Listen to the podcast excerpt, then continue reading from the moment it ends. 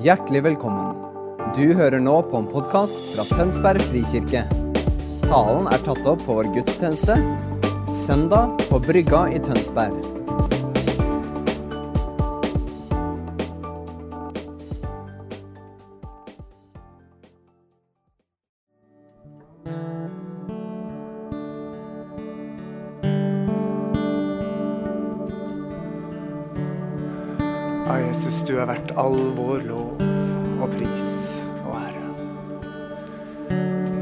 Er veien, sannheten og livet.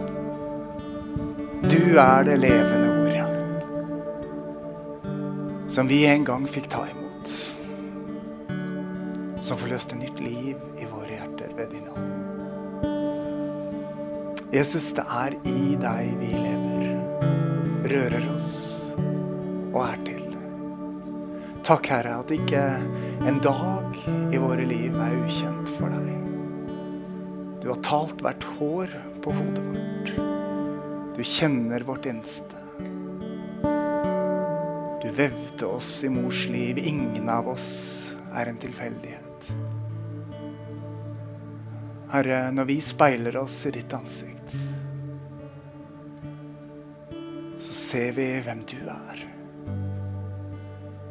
og hvem vi er.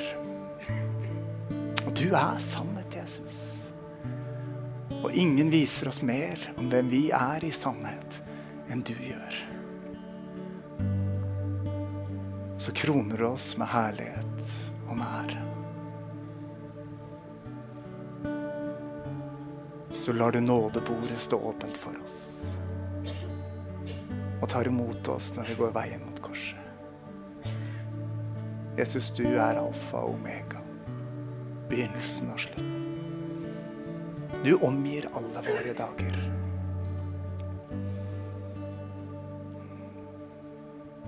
Herre, åpenbar ditt ord, åpenbar deg selv.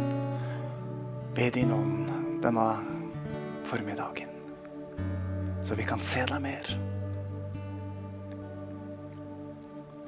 For hver gang vi får et glimt av deg, Jesus, så går vi velsigna, berørt og forvandla bort.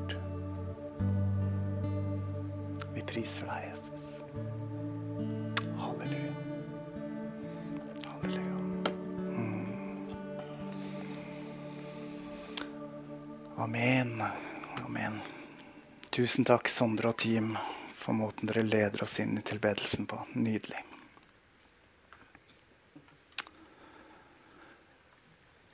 Ja, dere. Er dere klare for uh, å gå inn i ordet? Vi er, vi er jo liksom i jul, uh, juni, og vi går liksom inn mot landing for sommeren. er det veldig fort gjort å tenke. Uh, men vi starter altså opp en ny temaserie i dag, vi. Så vi sørger for at vi liksom tar av inn mot sommeren, sånn at vi kan liksom surfe gjennom sommeren i forventning til å surfe videre innover i høsten. Egentlig, og det kommer opp her nå ganske snart, egentlig så har vi eh, starta allerede, for vi har kjørt en runde med godhet. Eh, som er en del av kulturene i vår kirke. Nå skal vi se om det kommer bilder på veggen her, så blir det mye mer meningsfullt det jeg har begynt å prate om. Der har vi det, skjønner du. Dette er ny grafikk. Den har dere ikke sett før. Den er det vår gode Frida som har laga for oss. Men symbolikken er gammel og kjent. Dette er kulturene vi jobber etter i Tønsberg frikirke. Uh, så vi har også tjuvstarta litt, for vi har jobba med godhet og undervist rundt godhet tidligere.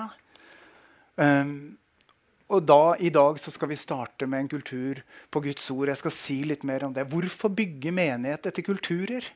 Uh, vi har fem. Fem kulturer, fem praksiser som er viktige for Tønsberg frikirke. Og når vi kjenner til og praktiserer dette, så vil det på en måte lukte, smake og kjennes ut som Tønsberg frikirke. Der hvor vi er. Vi sa når vi starta huskirkene, at bare huskirkene våre er kjent av disse kulturene. Så kan de nesten gjøre hva de vil. Nå sa vi ikke akkurat at de kunne det, men, men vi sa nesten. Fordi at så lenge vi har disse verdiene, disse kulturene, disse kvalitetene i fellesskapet vårt, så svarer de på noe av det som vi opplever at Gud har lagt på vårt hjerte. Noe han har kalt oss særskilt til. Dette svarer på hva det vil si å være en menighet overøst av kjærlighet til Gud og mennesker. Og til de som tenker at kjære min tid, skal vi jobbe med kulturer resten av året, det hørtes veldig teoretisk og teknisk ut, så la meg si det med en gang. Dette her er rytmer og praksiser i Jesus' liv og disippelliv. Det er ingenting av det vi snakker om her, som ikke er helt sentralt knytta på Jesus og den han er, og det han kaller oss til å være. Men hvorfor jobber vi med kulturer istedenfor verdier? Kan vi ikke bare ha noen fine verdier, da? Jo, det er fordi at veldig mange kirker, kanskje også vår fra tid til annen, og kirker rundt om i verden, har levd veldig godt med en hel haug de tror og vet, men som ikke har noen som helst praktisk betydning for dem, fordi de praktiserer det ikke. Er dere med? Det er mye vi kan vite, men hvis ikke det former livet vårt, eh, hvis ikke troen slår ut i handling, for å være Jakob, så høster vi ikke fruktene av det. Så dette er på en måte våre trossetninger, disse kulturene. Som sier dette er det vi opplever at Gud har kalt oss til. Dette er det vi tror Gud ber oss om å være, særskilt framfor andre. Denne boka vil alltid være fundamentet. Men en, en lokalmenighet har et særskilt kall framfor andre kirker. Et kall til å være noe og representere noe av det nådetilfanget fra himmelen som Gud forløser. Vi har noe, Betania har noe annet, Delk har noe annet osv. På den måten er vi til sammen med på å bringe bredden av Guds rike fram i byen vår. Og vi tror at på denne måten svarer vi på det. Og da har vi, ser dere, vi har satt trekanten på skrå. Legg merke til sånn intuitivt hva det gjør med oss. Da skapes det en opplevelse av bevegelse. Er dere med? Hvis trekanten står med opp, opp, eller med, med liksom med, på den ene sida, sånn at den peker oppover, så, så, symboliserer det noe statisk, noe stabilt. Er dere med? Den står på den ene langsida. Men her er den satt på kanten. Opp er fremdeles opp. Inn med hederskultur er fremdeles inn.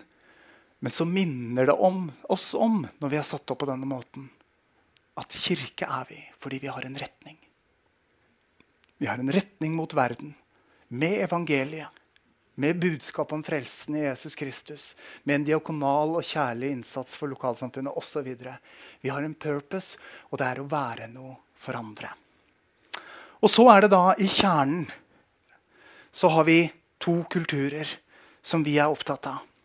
Dette her, disse tre, tilbedelse, opp, godhet, ut, hederskultur inn. Det er handlingskulturene våre. Det er liksom atferden vi ønsker å skape i fellesskap.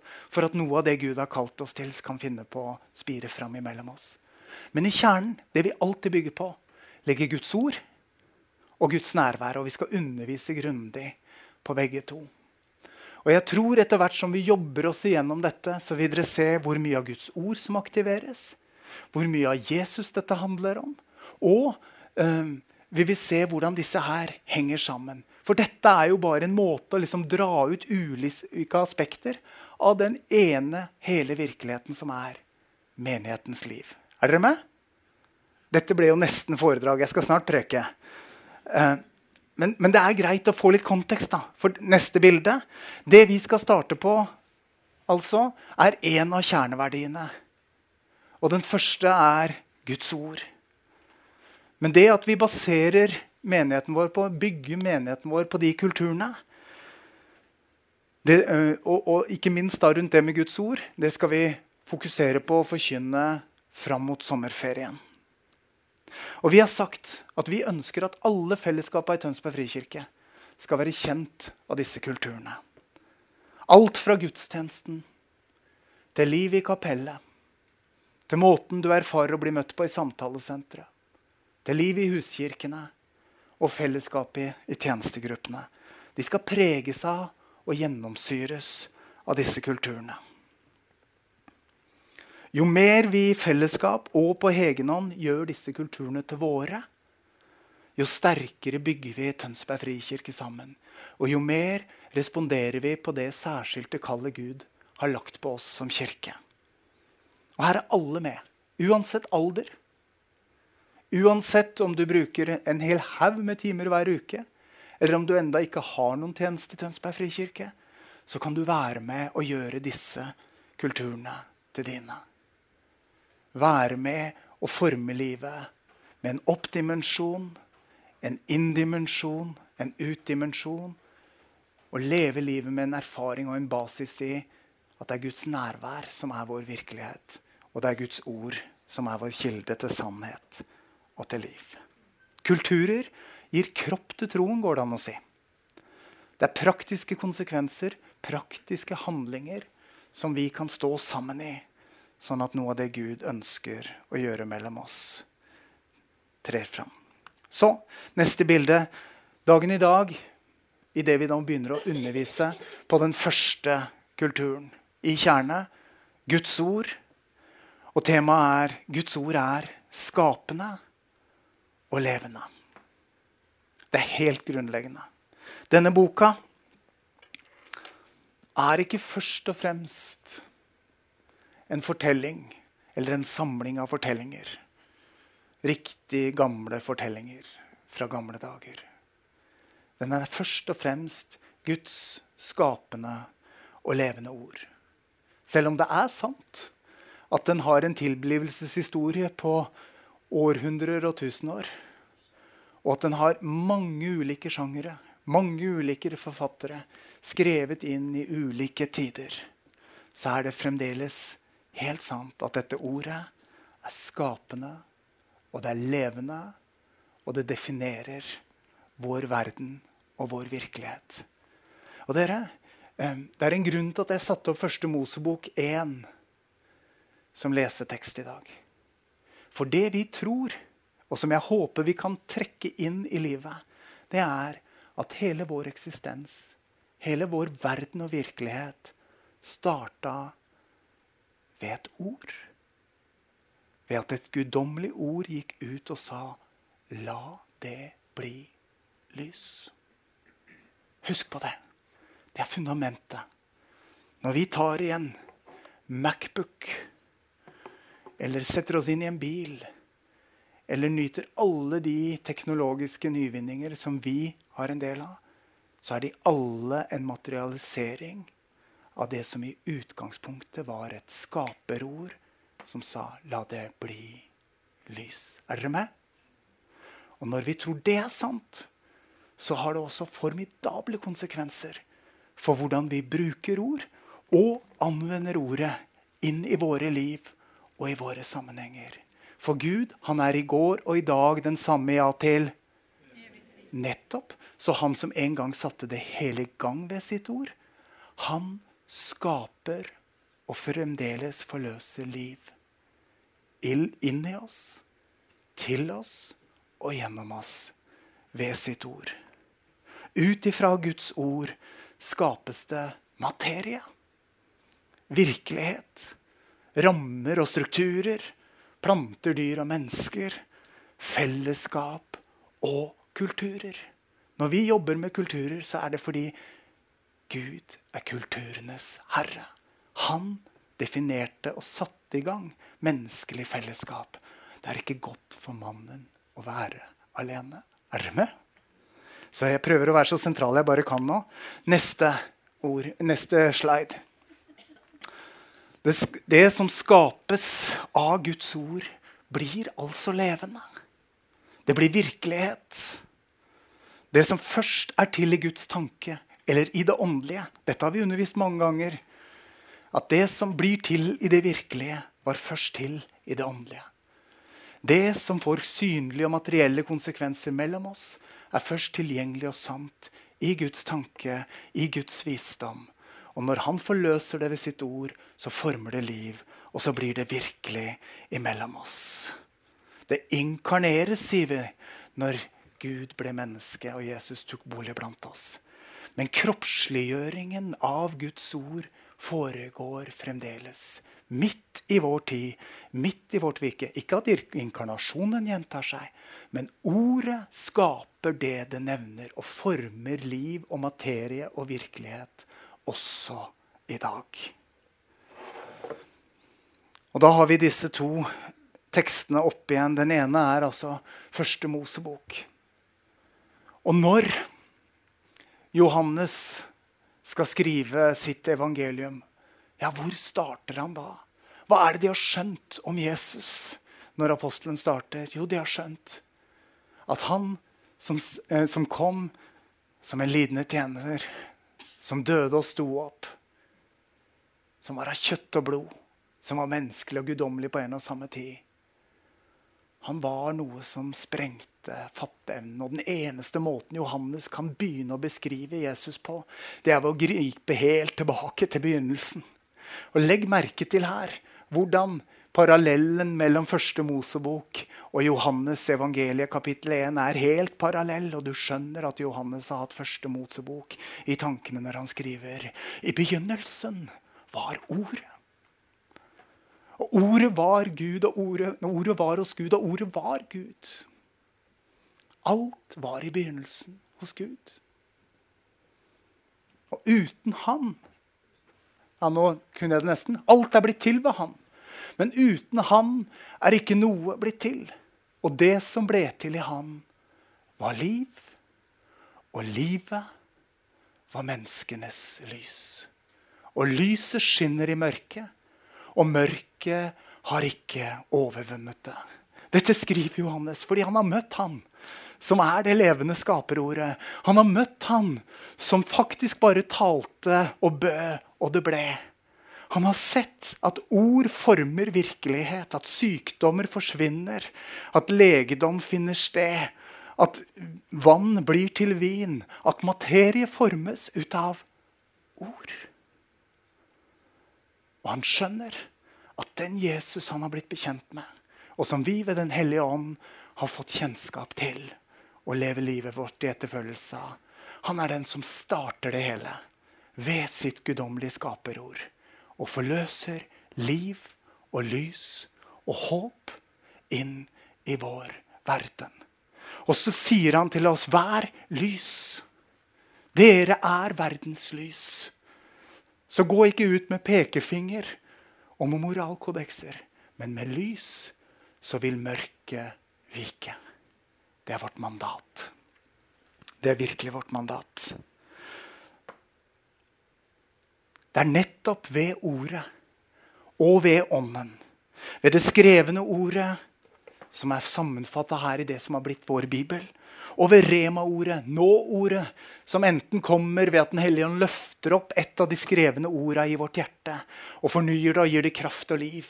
Eller det kommer som et profetisk ord, forløst i menighetens midte gjennom nådegavene som Gud har gitt oss, sånn at vi kjenner at nå taler Gud i vår midte.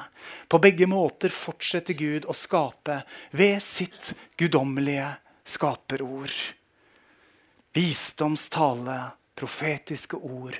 Åpenbaringen 19 forteller oss at Kristus er ånden i profetordet.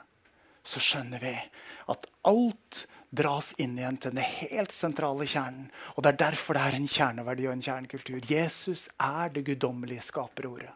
Som virker ved det skrevne ordet og ved sin ånd for å forløse liv, forme liv og bringe liv til vår verden. Jeg blir litt engasjert av dette. Dette er veldig grunnleggende.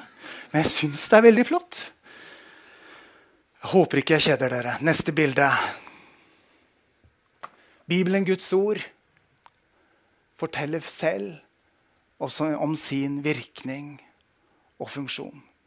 Vi er ikke overlatt til å definere Guds ord. Guds ord definerer seg selv. Og I Jesaja 55 så finner vi dette ordet.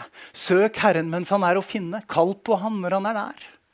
Den urettferdige skal vende seg bort fra sine veier, ugjerningsmannen fra sine tanker, og vende om til Herren som vil vise barmhjertighet til vår Gud, for han er rik på tilgivelse.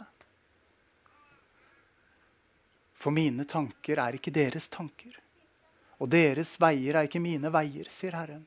Som himmelen er høyt over jorden, slik er mine veier høyt over deres veier og mine tanker høyt over deres tanker. For lik regn og snø som faller fra himmelen og ikke vender tomt tilbake før de har vannet jorden, gjort den fruktbar og fått den til å spire, gitt såkorn til den som skal så, og brød til den som skal spise. Slik er mitt ord. Det som går ut av min munn. Det vender ikke tomt tilbake til meg, men gjør det jeg vil, og fullfører det jeg sender det til. Her er det mange viktige ting. Når Gud sender ut ordet sitt, så vender det ikke tomt tilbake. Dette ordet skaper det det nevner. Sånn som Gud vil. Og det skaper det det nevner i våre liv hvis vi lar Han få lov. Og Legg merke til dette med Guds tanker er ikke som våre tanker. Guds tanker, Guds kjærlighet og Guds vilje er så uendelig mye høyere dere, enn våre tanker. Og Det er derfor at vi mennesker ikke er herrer over ordet. For dette ordet er Guds. Og det er kilden til Guds visdom og sannhet. Det er kilden til de tankene som er høyere enn våre tanker. Og Det er derfor ikke vi må bruke menneskelig tanke og begrensning og legge det på ordet. For da lukker vi igjen for å få tak i den visdom og den sannhet og det liv som ligger der. Det er ikke mennesket som er herre over ordet, men ordet er herre og norm og rettesnor og kilde til visdom for oss. Snur vi opp ned på det, så går vi glipp av velsignelsen. Dersom vi justerer og endrer på dette ordet og moderniserer det under den slitte henvisningen til at verden har da kommet videre, og vi må da modernisere litt, så er det kraften og livet og adgangen til Guds visdom vi mister. Det er på en måte menneskelig arroganse på sitt ypperste å sette seg over Han som har starta det hele, og som i sin nåde har gitt oss kilden til visdom, og skulle tro at vi skulle kunne korrigere og justere det så det ble litt bedre. Og om vi så bare forholder oss til denne boka som litteratur og ikke som en hellig skrift for et øyeblikk, så er det jo en galskap hvis vi bruker moderne 2023-øyne på et gammelt litterat, eh, litterært verk. Vi kan ikke lese de gamle, gamle klassikerne med et moderne blikk og gi det kritikk ut ifra 2023. Enhver litteraturviter ville sagt at det er selvsagt.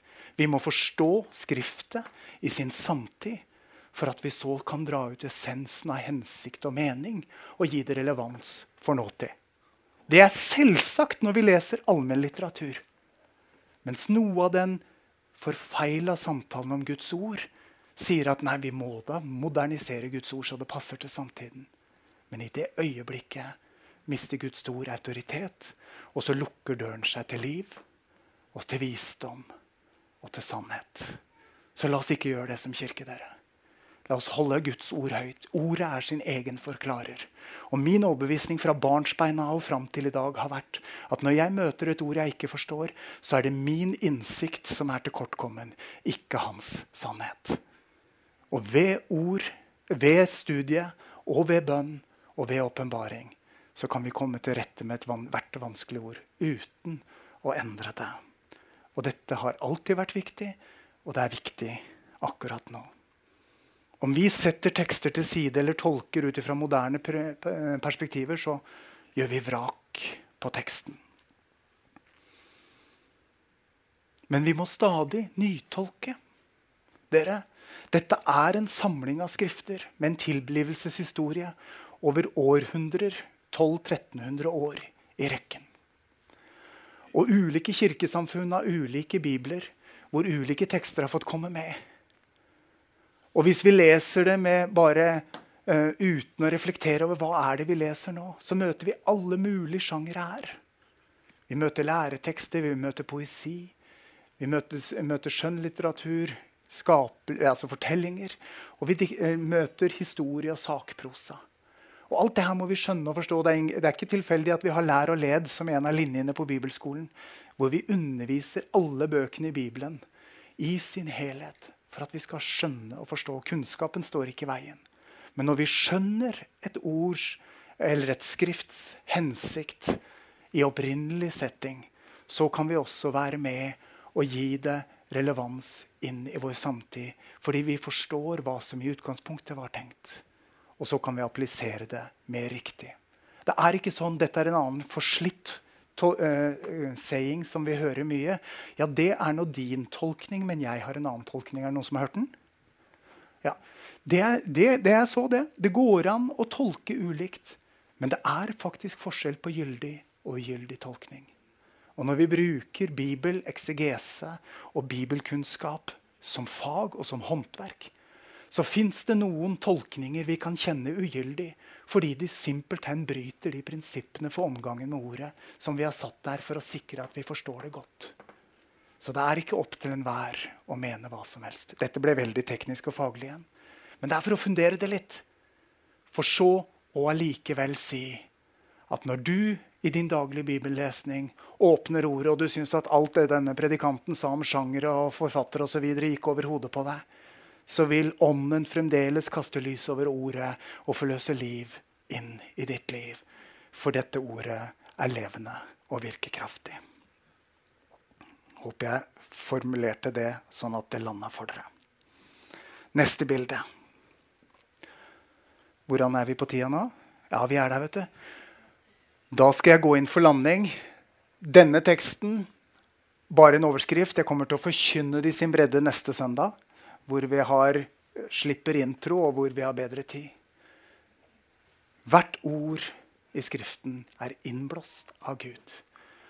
Og Noen av dere hører kanskje an, første Mosebok kapittel 2, den andre skapelsesberetningen om hvordan Gud forløste liv inn i sin skapning Adam. Dette ordet er innblåst for å skape liv i deg og meg. Neste bilde.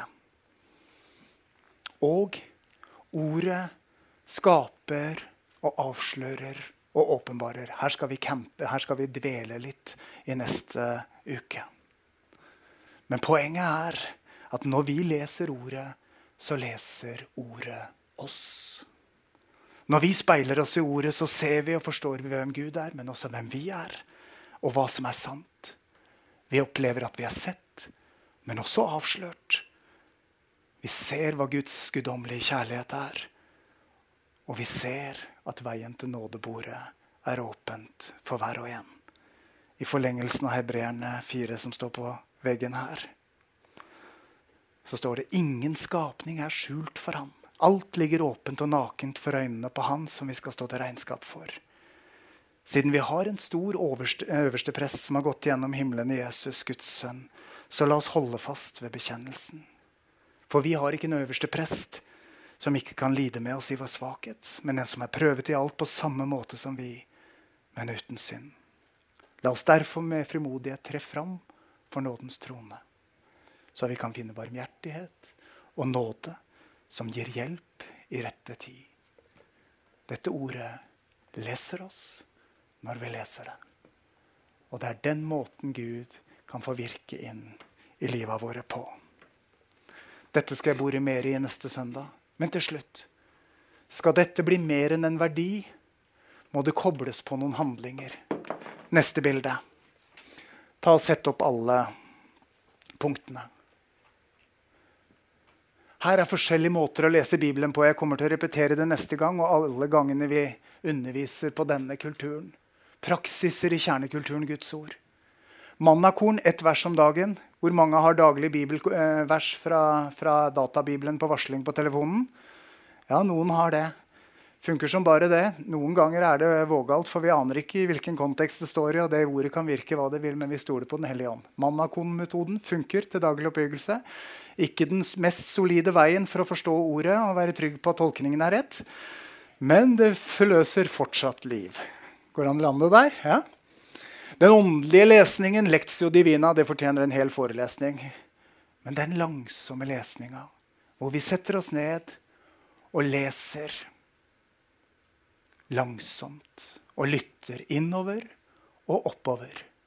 Og i det øyeblikket denne virkeligheten skifter fra at du leser ordet, til at ordet leser deg, så stopper du.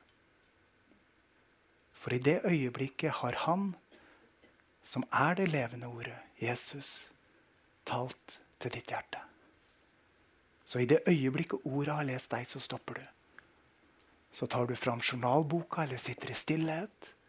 Eller du samtaler med Jesus om det som akkurat der og da har blitt viktig for deg. Og når du er ferdig med det, så ber du i tråd med det ordet og samtalen din med Jesus har vist deg. Da bekjenner du Jesus. Da sier du det samme som Jesus. Homologeo. Da bekjenner du det ordet har virka i livet ditt i det øyeblikket.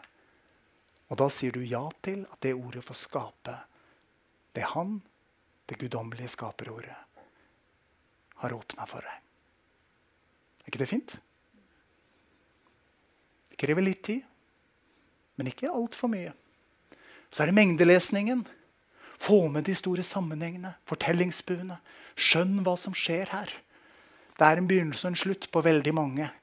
Det å ha en plan for mengdelesing som gjør at du kommer gjennom Bibelen på ett år, eller kommer gjennom Bibelen på fire år, eller leser ett og et skrift av gangen. Eller, men, men, å få mengden for å få sammenhengene, for å få kunnskap, så er det byggeklosser som Den hellige ånd bruker når du lever med Jesus. Og så er det dybdelesningen. Når du tar et ord, graver deg ned, går til gresken eller hebraisken med oppslagsverk da, for de fleste Um, skjønner hva, står, hva, som står der, skjønner sammenhengene og virkelig får fram gull. Du kan grave og grave og grave. Hørte en gang om en som hadde tatt doktoravhandling på melsorten i Det gamle testamentet. Da har du gravd en stund. Ja. Siste slide.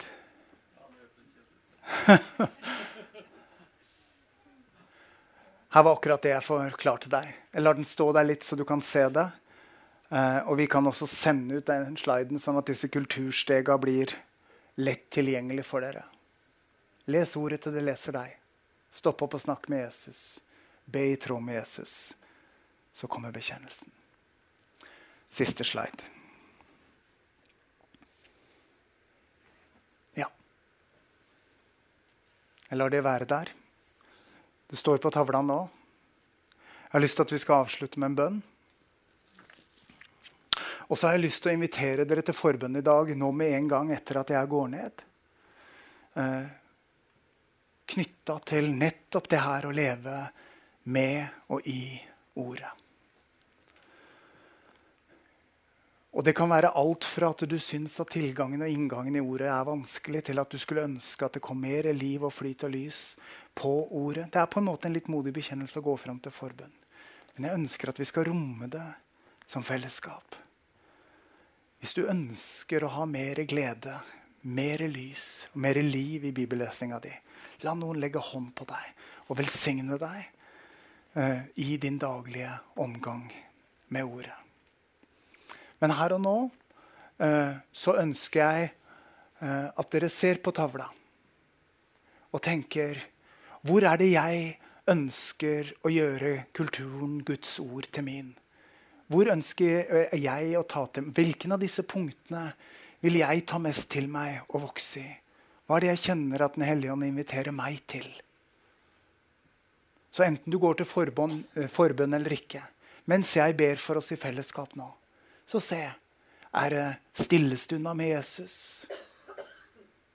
Er det mengdelesinga gjennom bibelplan? Er det det at Guds ord leses i alle våre samlinger, og du tenker at å, jeg er jo tjenesteleder, det har jeg ikke alltid gjort. Det må jeg begynne med. Ta med meg et ord når vi skal ha samling. Hva vet jeg? Det her med å søke kunnskap til å forstå hva Guds ord sier og mener. Og være åpne både for det skrevne ordet og for nåordet fra Herren, den profetiske dimensjonen i kirka. Hvor er det jeg er motivert for å vokse? Hva har jeg lyst til å implementere inn i mitt liv den neste uka og de neste ukene? Så mens musikken begynner nå, og jeg begynner å be for dere, så vil det stå noen her borte som er klare for å be for dere. Vi ber sammen.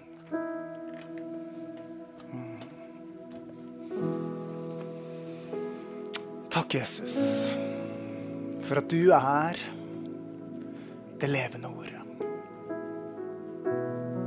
Alt som er, ble til på grunn av deg.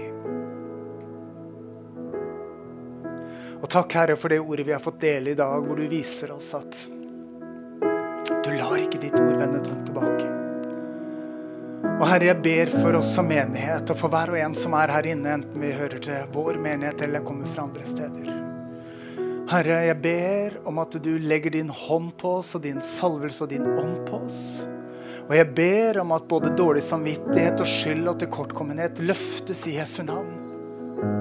At all den tilkortkommenhet og dårlig samvittighet om man burde og skulle og ikke få til, at den løfter Jesus. At den brytes i dag. At vi ser det som en løgntanke.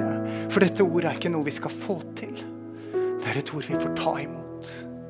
Og jeg ber, Herre, om at du åpner oss, at du virker på oss ved din ånd og at du gjør hjertene våre mottakelige for at ditt levende, virkekraftige ord kan få lov til å strømme inn i livet våre på nytt.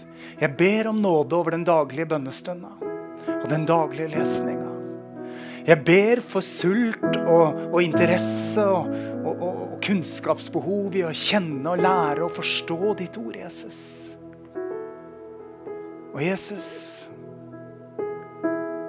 hver gang du leser våre liv med ditt skrevne ord og ved din ånd, så gi oss nåde til å bli stille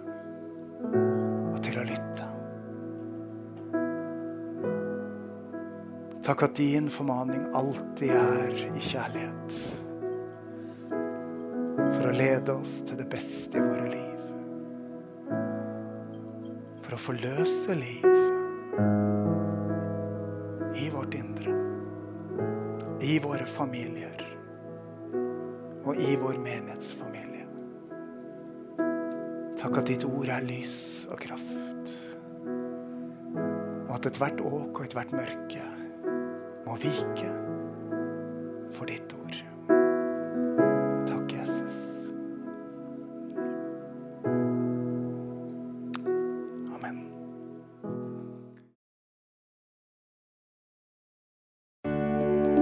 Takk for at du hørte på vår podkast. Har du spørsmål eller ønsker du å vite mer? Søk oss på vår nettside tonsbergfrikirke.no. Du er også velkommen til kirke på Brygga i Tønsberg.